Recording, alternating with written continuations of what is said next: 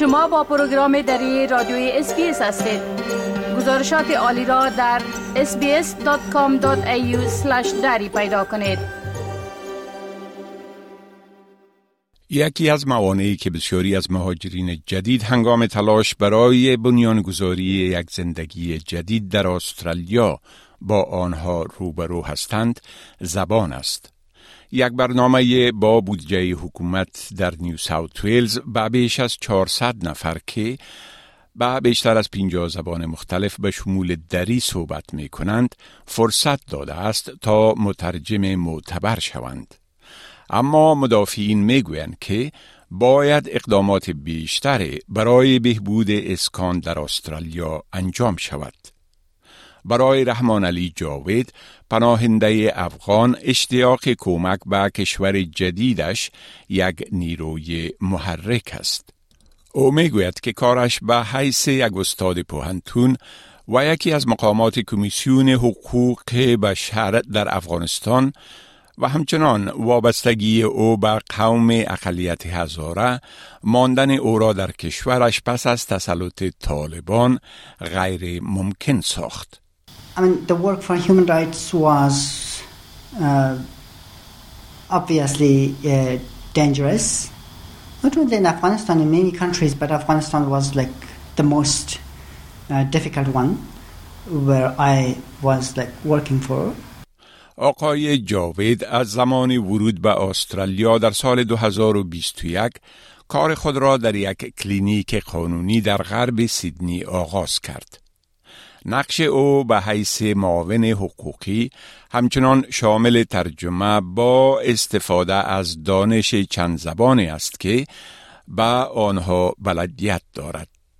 دری، هزارگی، پرشین، uh, which is Farsi, also people call it Persian and Farsi, and uh, Pashto, and English.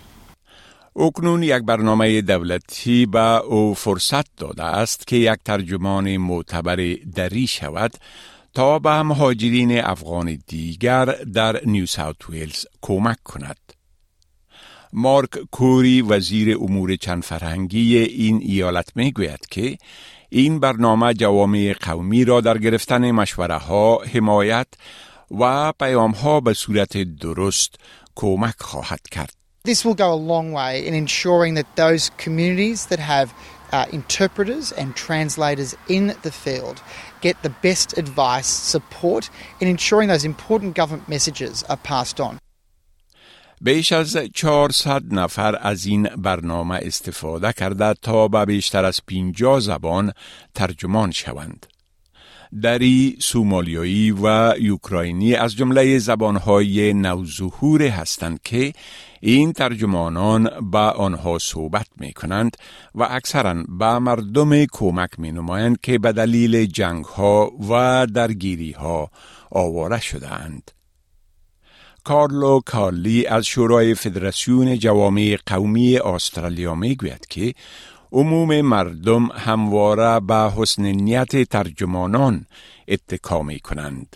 The cost of getting accreditation is really prohibitive. It is a, a real barrier to entry, and it's really important that we get um, people in the community trained up who, are, who um, can support their community members. زبان یگانه مانی برای مهاجرین نیست. ارقام نشان می دهند که یک سوم از تازه واردان گفتند که در یافتن اولین کارشان مشکل داشتند. از جمع موانعی که در راه کاریابی آنها موجود بوده معمولترین آنها فقدان تجربه کاری استرالیایی و پس از آن نداشتن تماسهای محلی و به تعقیب آن مشکلات زبانی می باشد. کارلو کالی می گوید که تعداد فضاینده از زبانها باید پوشش داده شوند.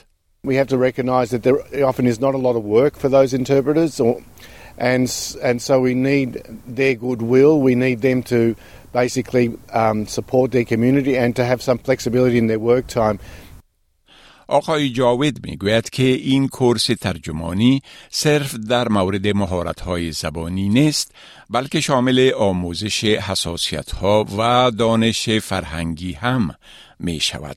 Now I feel more confident doing my job because though I had the capacity but didn't have the certificate. گزارش را که شنیدید با کمک تایز اوچویزی و استفانی کورسیتی تهیه شده بود. می خواهید این گناه گزارش ها را بیشتر بشنوید؟ با این گزارشات از طریق Apple Podcast، Google Podcast، Spotify و یا هر جایی که پادکاستتان را می گیرید گوش دهید.